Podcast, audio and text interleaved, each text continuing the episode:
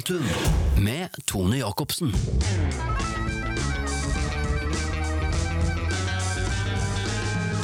Velkommen til Momentum sin eventpodkast. Takk for det. Takk for det. Gjest er Dan Lystad. Vi går langt tilbake i tid, Dan. Jeg elsker din passion for mat og vin. Og det er jo derfor du er her i dag, for å prate om nettopp det.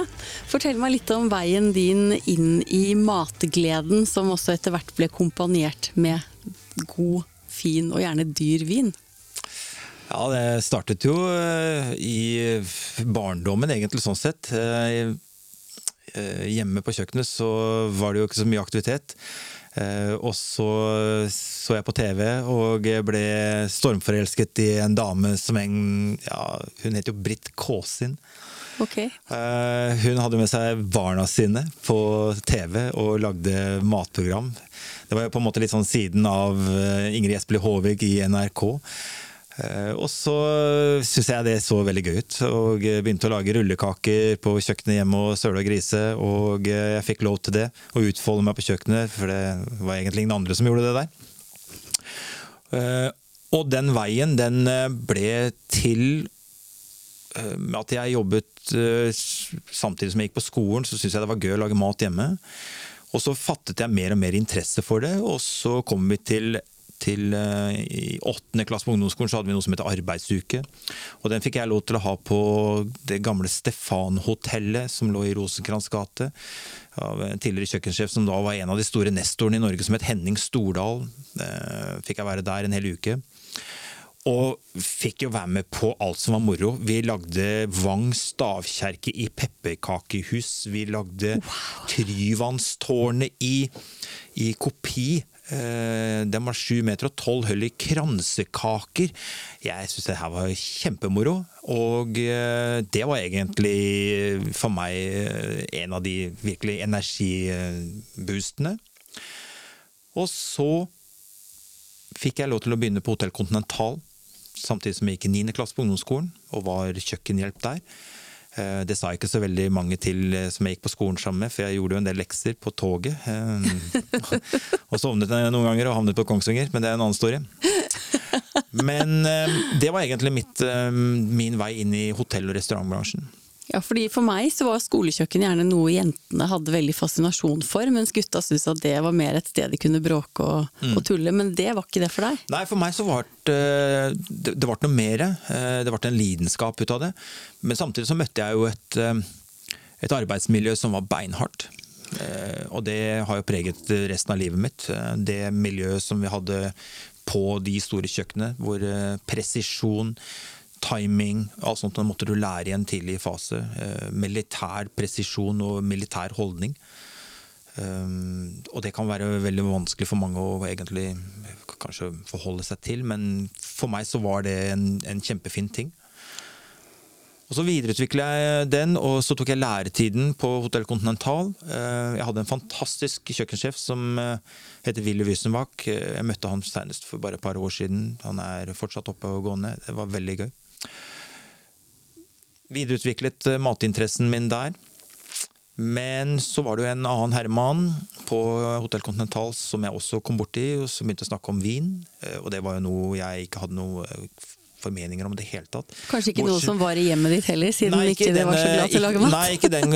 Altså, det var jo ikke Alkohol var jo på en måte ikke en del av mitt vanlige dagligdagse liv i den veien. Men jeg kom dit, så var det på en måte noen som tok tak i de tingene. Og, så, eh, og han heter jo Remi Madsen og var kjellermester for Hotell Continental. Det var jo eh, det, det første gnistet på bålet mitt. Eh, Og så fikk jeg på en måte litt lukten på akkurat den delen. Og sånn videreutviklet seg ting.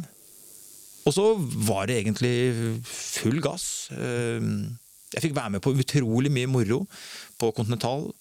Samtidig som det var enormt slitsomt. Det var energikrevende. Det var pressure til det maksimale.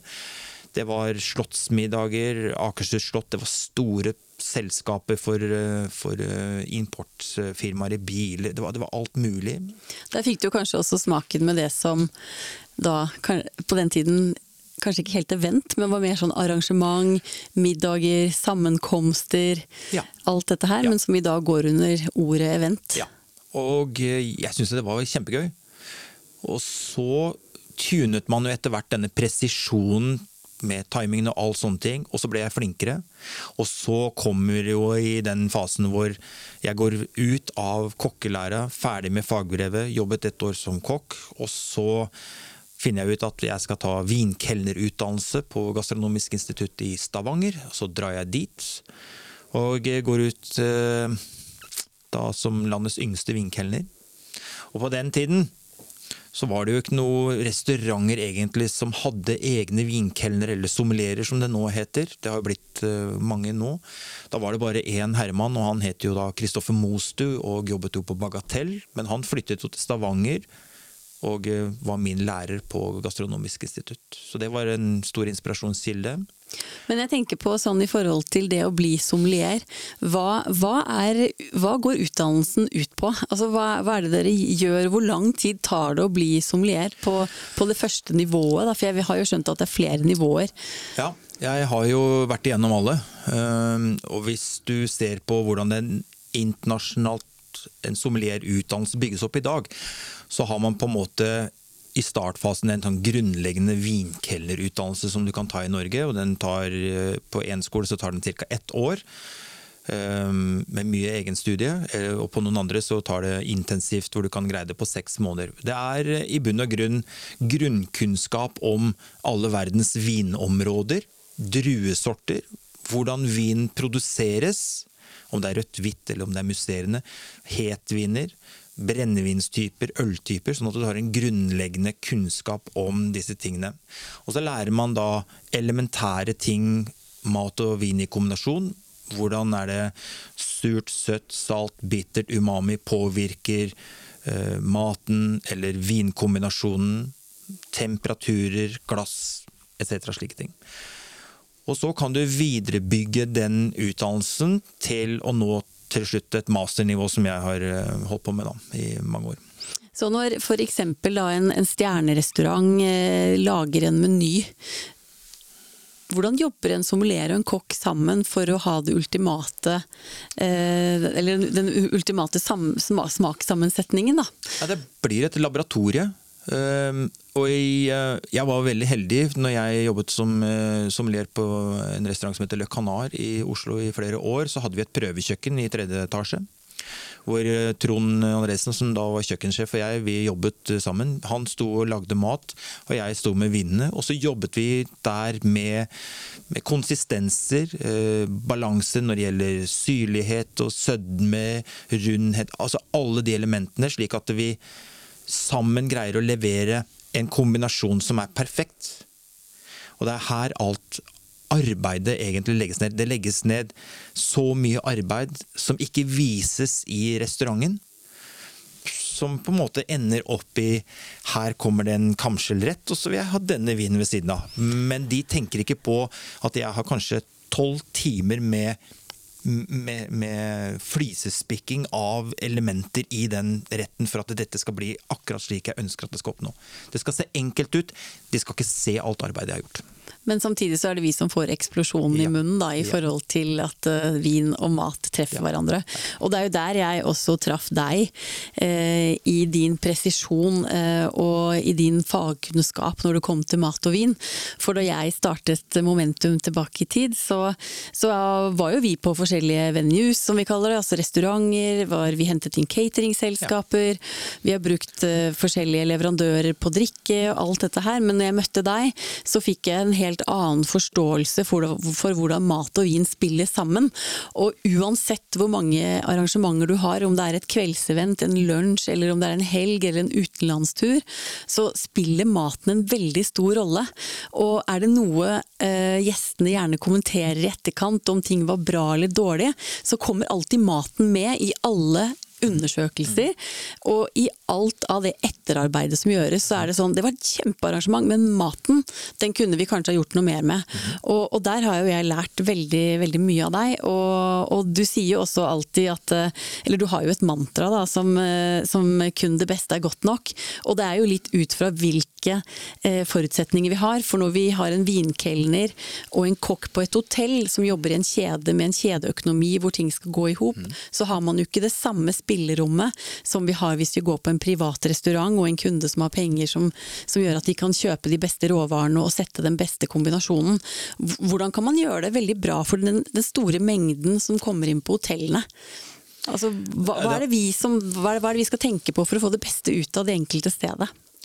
Jeg tror for å oppnå best mulig suksess, da, så handler ting absolutt om å holde ting så enkelt som mulig. Jo færre ting, jo raskere, jo bedre, og jo enklere er det for et kjøkken, jo enklere er det for en vinkelner. Det er, altså Keep it simple-prinsippet er egentlig litt sånn alfa og omega. For hvis man tenker at eh, du har et eh, selskap på 100 gjester, og det er 100 tallerkener som skal gå ut, og eh, denne kokken har fått fritt spillerom på tallerkenen sin, og det er, det er, syv forskjellige grønnsaker eller kjøtt eller ting som skal legges på den tallerkenen, ja, så kreves det mer ressurser.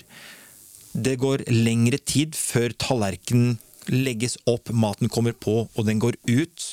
Og det gjør noe med kvaliteten. Fabrikk er et veldig bra prinsipp. Det er en grunn til at bilindustrien bruker fabrikk, og det elsker jeg også. Det er én hovedråvare, én saus, kanskje to grønnsaker, kanskje potet, ferdig, og så skal det ut. Det skal være varmt, det skal være best mulig. Og da tenker jeg det er bedre å bruke mindre ting på tallerken, men det som er der, er bedre. For kunden i enden vil ha en bedre matopplevelse. Og så er det enklere for meg når jeg skal sette vinene til, fordi det er ikke alltid at eh, et hotell for eksempel, som er med i en kjede, har et stort vinkart eller en dyp uh, vinkjeller. Jeg har kanskje et, et lite spekter av viner å jobbe med, og da må jeg på en måte optimalisere de få tingene jeg har, til at det skal bli best mulig. Og det kan jeg gjøre med enkelheter. Én god råvare, én god vin. Keep it simple vi har jo samme mål om at kunden skal bli fornøyd. Og, og, som eh, en rolle du ofte tar på deg, er jo å være hovmester. Og uten at vi snakker sammen eh, og har et godt samarbeid, så kan den middagen gå i begge, begge, retninger. Og det kan være alt fra at talene blir for lange og at maten må vente, det er ikke noe gunstig, til at du har en hovmester som egentlig ikke har kontroll, som gjør at du kommer helt ut av synk på alt som skal gjøres, og du drar ut til det vide og det breie. Jeg regner med at du har noen gode historier rundt det, på hva som kanskje er et godt eksempel da, på hvordan man skal gjøre det, og hvordan man ikke skal gjøre det det, opp, altså, det, viktigste er jo at du har kontroll på selskapet. Eh, og i noen ganger så går jeg jo kanskje litt utover rollen min eh, og tar ja, 100 kontroll. Men jeg gjør det når jeg ser at eh, den personen som skal ha kontroll, ikke har det. Um, eller jeg jobber sammen med mennesker som kanskje um, i, i, den, i, den, arbeidssettingen de skal gjøre, eh, kanskje mister hodet, eh, blir nervøse, begynner å rote, eh, så er jeg egentlig Jeg er som person litt sånn militær. At når selskapet skal starte, så informerer jeg gjerne personalet på forhånd at jeg er egentlig veldig blid og hyggelig. Jeg er veldig koselig og hyggelig å prate med. Men når de tallerkenene kommer, så er jeg ikke blid og hyggelig lenger. Da er det korte, konsise beskjeder fordi jeg er avhengig av timing. Jeg er avhengig av at alle i leddene gjør nøyaktig det jeg vil at de skal gjøre. Og jeg tror i de fleste tilfeller at hvis det er én dirigent som styrer, så vil hele orkesteret være mye bedre. Og orkesteret mitt, det er servitørene mine og kokkene mine. De er de. For hvis jeg greier å få det til, så blir den musikken og alt det jeg leverer ute i stallen, mye bedre. Jeg, et, eh, jeg, har hatt eh, flere selskaper hvor jeg har hatt uerfarne toastmastere som skal lede et selskap fordi de har kanskje fått i oppdrag av en brudgom eller en far eller slike ting. Og så er det første gangen de gjør, og så er det mange elementer. Det er eh, flere retter, fem-seks retter, det er taler, det er eh, tider. Eh, plutselig så kanskje kommer det et, et, fyrverkeri som er bestilt inn, og alle disse elementene her må du på en måte bake inn. Og når jeg da gjør en timingoversikt, som jeg prøver å si det her, eh, sammen med toastmaster, samme kjøkken, så kan det hende jeg sier at vet du hva, her må vi bare vi må flytte på litt ting fordi at jeg vil oppnå disse tingene. Ja, og så er jo du veldig detaljert. Altså, du tenker jo da på bruden som skal på do og må ha kjolen og alt dette her. Det er kanskje ikke en toastmaster som ikke har gjort det før tenks på? Nei, men det er min Jeg tar den oppgaven, øh, og så sier jeg til toastmasteren gjerne at øh, jeg skal gjøre deg god, men du er nødt til å gjøre som jeg sier. Det har jeg vært med på noen ganger, Dan.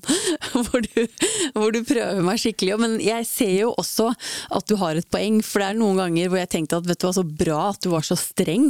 Fordi jeg kan noen ganger bli litt snill og tenker at det, det ordner vi.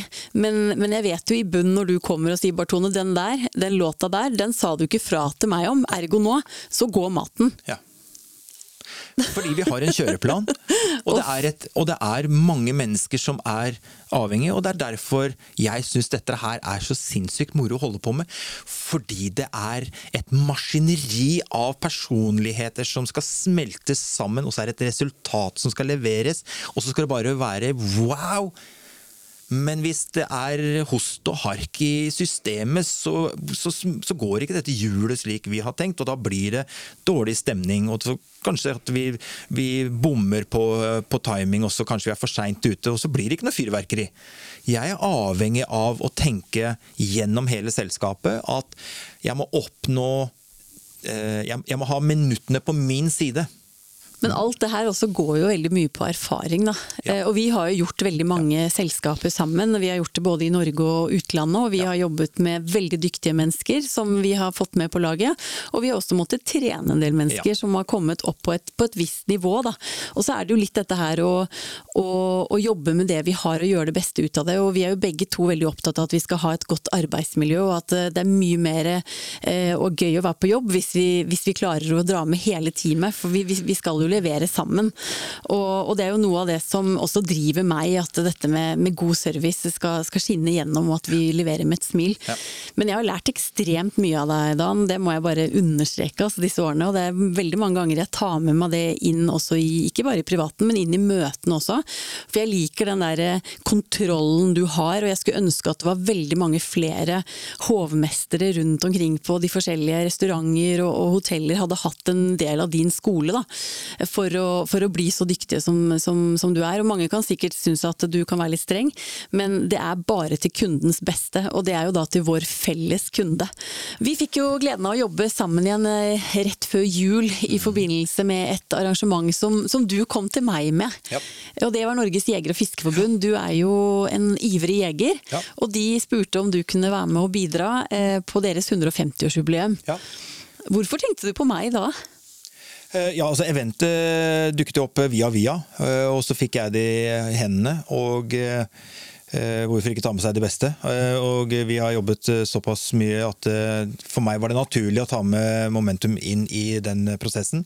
Fordi jeg har kompetanse på ett område, mens Momentum har spisskompetanse på, på den andre. Og for at dette skal bli best mulig, så er det best at vi jobber sammen. Og det ble et bra resultat. Ja, for vi skulle jo opp i Holmenkollen eh, og, og lage en, en konsert. Eh, I tillegg til at selvfølgelig, når man snakker om jakt, så er jo råvarene veldig, veldig viktige. Og der kommer jo nettverket vårt også inn, da, og spesielt ditt når det kom til både kokker og mat. Kan ikke du fortelle litt hvordan du jobba for å komme fram til det resultatet vi fikk? Ja, vi eh, fikk jo en kravspesifikasjon på bordet av Norges Sild- og Fiskeforening, som vi fant ut egentlig sammen at her bør vi ta det opp eh, på et litt høyere nivå, fordi at det er et eh, jubileum. Eh, det var konge og statsråd skulle inviteres, så da følte jeg at nå er det på tide å det, å gjøre det litt mer moderne. De ønsket at ting skulle være litt tradisjonelt, mens vi lanserte en mulighet til å kunne gjøre det på en måte litt mer moderne.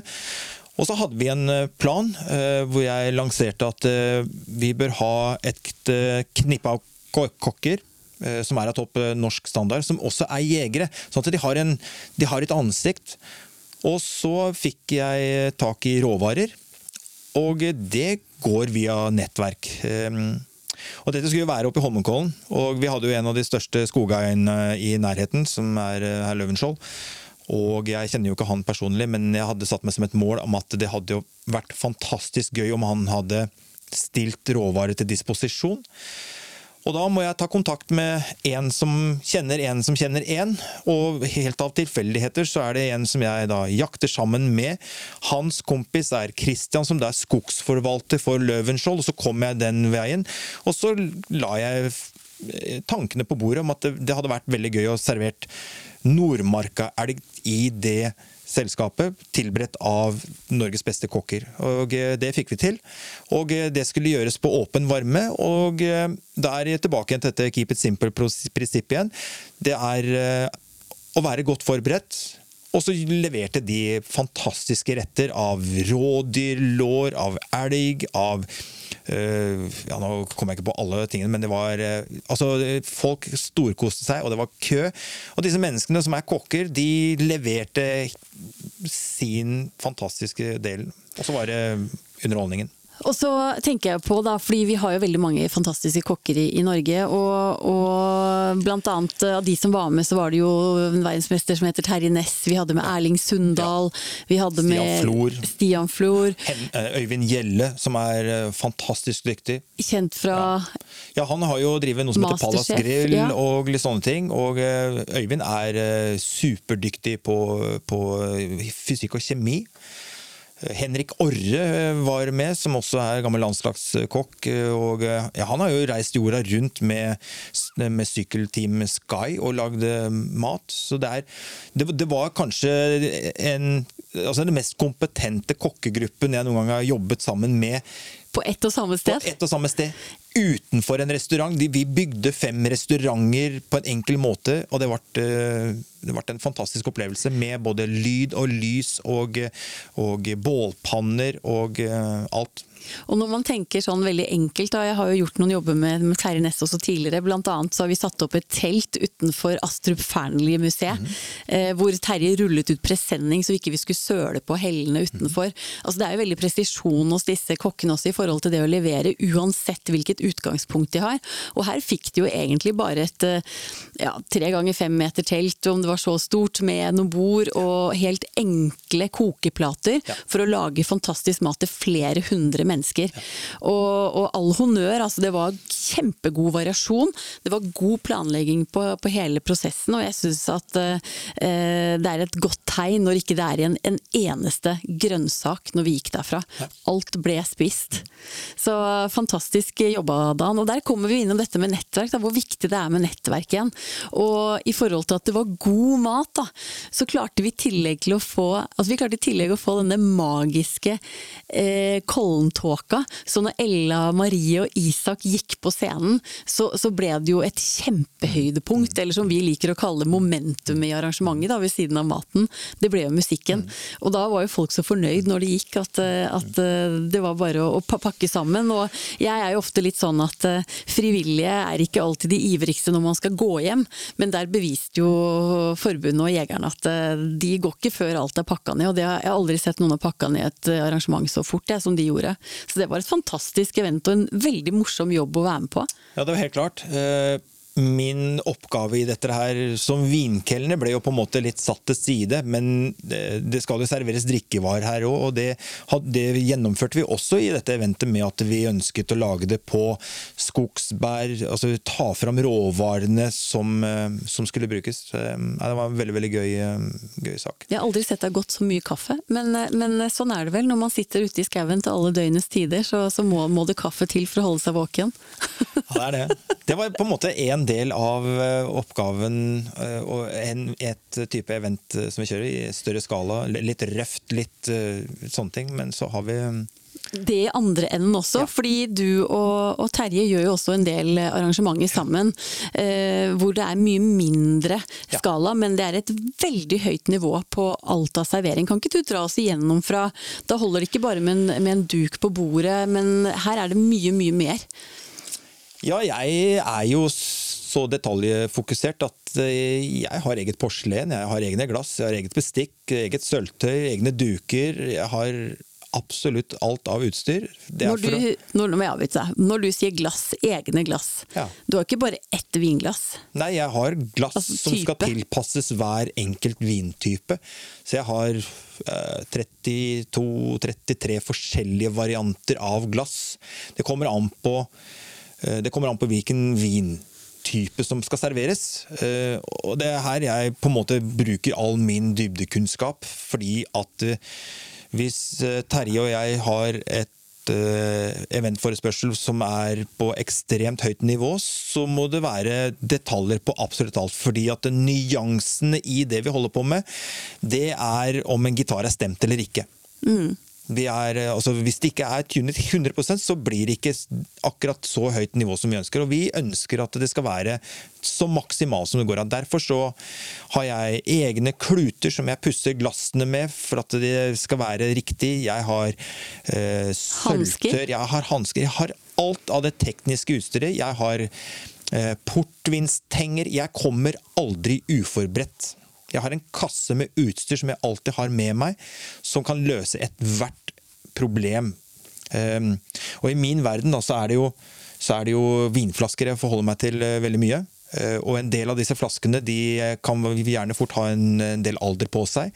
Og etter hvert som flaskene og vinen blir eldre, jo tørrere blir korkene, og da kan det bli vanskeligere og vanskeligere å få ut. Og hvis du da har viner i superklassen, som da har tørre korker, så kan de være veldig vanskelig å få ut. og de, Da blir de akkurat som pulver, og det støvet det går ned i vinen, og det vil jeg ikke ha der. Så da har jeg verktøy med meg som kan løse alle sånne oppgaver. Og jeg gjør det med selvtillit, selvfølgelig, og jeg kan lage et show ut av det også. Men, men, hvordan klarer du å dra ut en kork uten å få eneste, altså en eneste liten korkfnugg nedi den flaska? Nei, det, eh, jeg har eh, fem-seks forskjellige typer av opptrekkere som jeg bruker. Eh, det kommer litt an på tjukkelsen på spiralen, altså den korketrekkeren. Noen, noen har litt tjukkere spiral enn andre. Eh, hvis det er veldig gamle flasker, så bruker jeg gjerne portvinstang. Eh, og det her er egentlig litt spennende, fordi da, da, bruker jeg varme- og kuldereaksjon. Da har jeg en tang som jeg varmer opp med en gassbrenner, som at tangen blir rødglødende. Og da kniper jeg den tangen rundt flaskehalsen under kork, der korken stikker ned. Og Så holder jeg den til glasset blir varmt, og så tar jeg en maskarapenn som jeg dypper i kaldt vann, og så drar jeg den maskaraen med kulde over den delen som har vært varme. Og Da får jeg en varme-kuldereaksjon, og da sprekker glasset. Og da kan jeg løfte den korken av. Altså den eh, Korken blir sittende inne i glasset, og så løfter jeg av. Da har jeg et rent, helt cleant cut.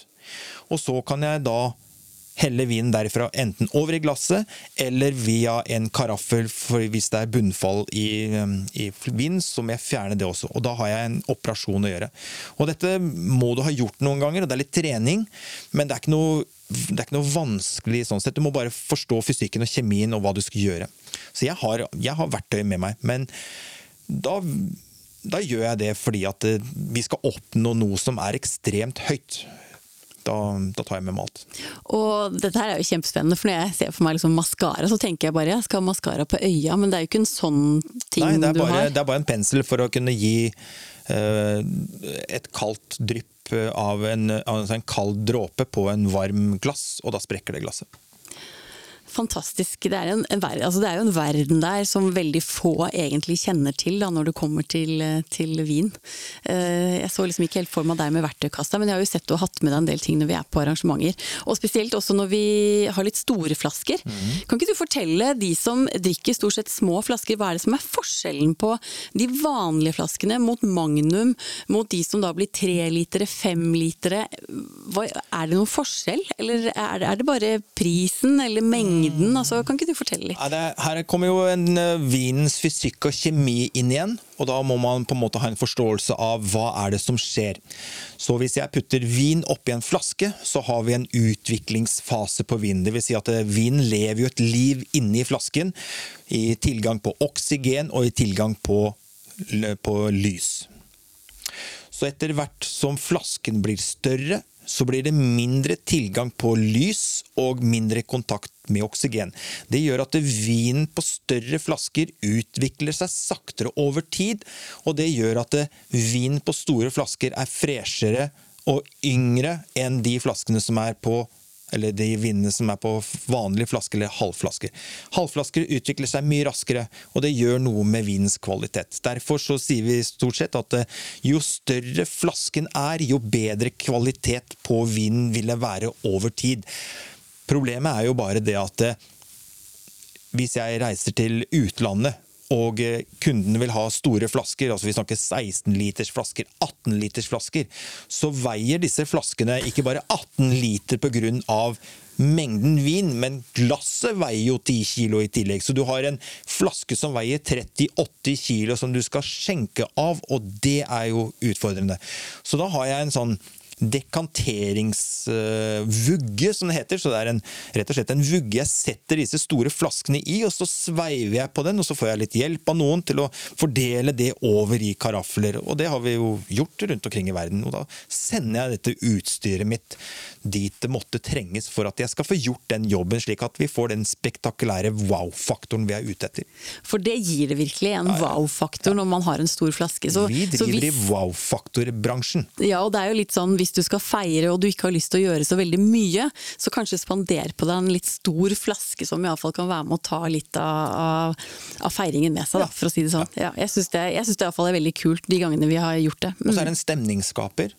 Veldig. Det blir, eh, det blir et, eh, et, happening, det blir et moment som folk ser. Eh, Også, men du skal håndtere dette, du skal vite hva du skal gjøre for noe. Ja, det er klart. Og, og det går jo litt inn dette med profesjonene. Da. Jeg er jo gjennom denne podkasten ute etter å vise litt hvilken kompetanse som ligger i eventbransjen. Og siden vi innledningsvis også snakket litt om at mat og vin er jo en veldig stor del av et event, og, og man vil jo gjerne levere god mat, for da blir det god stemning. Da er alle mette og gode. Og, og, og for meg så er det ekstremt viktig å, å, å, fokusere på den delen uansett hvilket nivå vi er på. Fordi når jeg snakker med deg, så er jo du på et veldig høyt nivå i forhold til veldig mange av de kundene som vi jobber med, som samler flere hundre mennesker på et kickoff, og mat skal bli mette, og de skal få nok drikke til å få en god fest og et, et godt sosialt sam, samhold. Hva syns du eh, er mest utfordrende med det, med den kompetansen og den, den hva skal man si, den derre fine wine Nei, det handler jo, eh, I de fleste tilfeller så handler det om å møte kundens eh, forventninger. Samtidig som jeg ønsker jo på en måte å utfordre de litt. Kan vi, kan vi skru dette litt opp, sånn at de får litt mer enn de egentlig forventer? Det er jo det jeg ønsker hele tiden. Jeg vil jo på en måte at de skal føle at de får mer enn hva de forventer som de skal betale for. Eh, men i de fleste tilfeller så må du på en måte forholde deg til et eh, nivå som du skal eh, leke deg gjennom på. Så hvis et event har et visst nivå, så må jeg være på det nivået. Og da må jeg kommunisere med de på dems nivå, slik at de forstår hva jeg mener, og jeg forstår hva de mener. Men når det gjelder å skru dette opp i elitedivisjon, hvis vi kan bruke de uttrykkene, så handler det om for meg å gjøre tingene til rette, sånn at det blir så perfekt som det skal bli.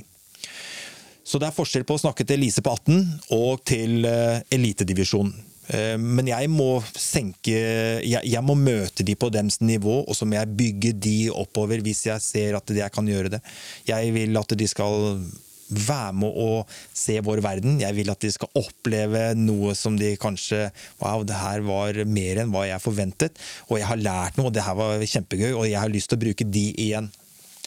Jeg eh, må nok si at det er eh, det er eh, større utfordringer å jobbe i den lavere divisjonen, fordi at tingene er mer snevert. Du har kortere ting, du har mindre spillerom enn å drive i elitedivisjon. Da har du på en måte du har, så, du har, stor rekkevidde, men perfeksjonismen din må være på absolutt høyeste Så for å dra det litt, litt ned da, til et språk som, som kanskje vi, vi forstår, så, så vil man si at hoteller gjerne og, og restauranter som er gjennom kjedekonsepter, ofte er veldig styrt Ja. av innkjøpsavtaler. Ja. Som gjør at eh, vår kunde kanskje ikke nødvendigvis får den vinen som de ønsker, hvis Ja. de har en favoritt, fordi at eh, den er ikke innunder den leverandøren som, som står for eh, leveransen til det hotellet. Riktig, riktig. Og, og det drar meg også litt inn i det at veldig mange er jo på restaurant og spiser selv privat, og, og tenker jo at de da kan ta med gjestene sine dit, de som er da mange, mange, mange fler. Eh, og det kan jo også by på litt, eh, litt utfordringer. Så, så det å dra personlige erfaringer er absolutt fint, men, men samtidig så skal man tenke seg litt om også i forhold til stedet man drar til, logistikken, hva de har av, eh, av, av utfordringer, eller rett og slett hva, hva de har av kapasitet, da, med tanke Ja. på å levere på et bra nivå. Ja, det er klart. Er det noe du føler eventbransjen mangler når det kommer til kunnskap om man og, mat og vin? Altså sånn Når jeg kommer og sier til deg nå skal vi kjøre til selskapet og vi skal gjøre sånn og sånn, og hva, hva er det verste du veit? Altså sånn, Dårlig eh, logistikk. Dårlig logistikk. Ja. Ja, men da, da, Det er derfor vi jobber så godt sammen, da, fordi vi har track på det. Er det andre ting du kan si du kan fremheve som er, som er bra, eh, så, som du setter pris på ved en, ved en eh, eventsamarbeidspartner? Mm. Jeg setter jo altså, absolutt eh, størst pris på å jobbe med mennesker som jeg har jobbet mye med før, som jeg kjenner eh, personligheten til, hvordan de jobber, hvordan de er, eh, hvordan de skrur på seg selv når tingene skal begynne å rullere. Jeg Jeg har et knippe med servitører som jeg liker å jobbe med, som jeg gjerne tar med meg rundt på de oppdragene som jeg gjør. Jeg har et knippe med kokker som jeg liker å jobbe med. Nå kommer det flere og flere inn i det nettverket, eh, som har på en måte forskjellige egenskaper. Men jeg sorterer en del eh, ting, altså jeg sorterer mennesker i forhold til hva jeg skal gjøre av hvilket oppdrag. Eh, Hva bransjen trenger? Vi trenger sultne mennesker som eh, liker å brette opp armene og liker å jobbe. Være dedikerte til underholdningsverden, for det er jo egentlig det vi holder på med. Men som også kan på en måte være litt sånn topersonligheter. Vi skal være mennesker ute i salen som viser at vi har kontrollen, og så skal vi være de som gjør den logistikkaktige delen på baksiden som egentlig er nøkkelen til hele gjennomføringen. Så vi skal være to personer samtidig.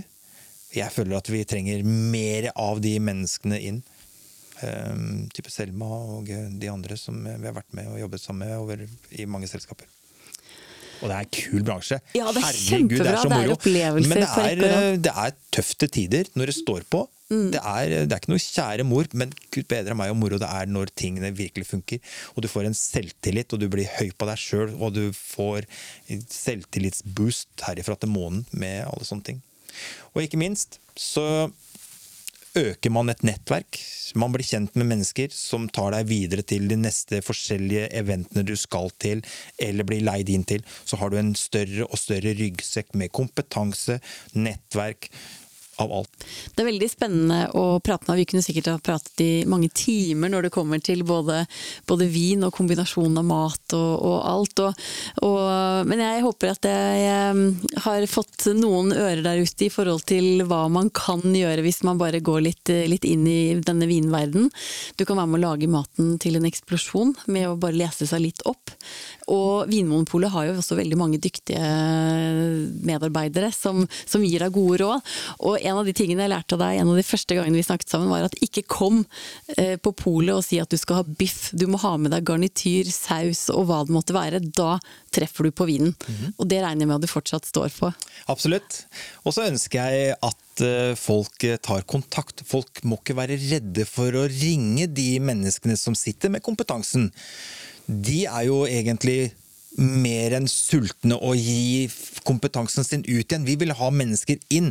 Så hvis det er lyttere som hører på, som tenker ja, men jeg kan ikke ringe til han, jeg kan ikke ringe til henne for å få hjelp, det er det vi gjør. Vi ringer til totalt ukjente mennesker som vi trenger for at vi skal få løst en oppgave.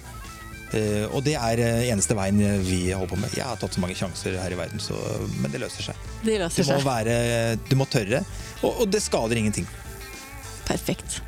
Tusen takk for at du tok tiden din og stakk innom studio. Bare hyggelig.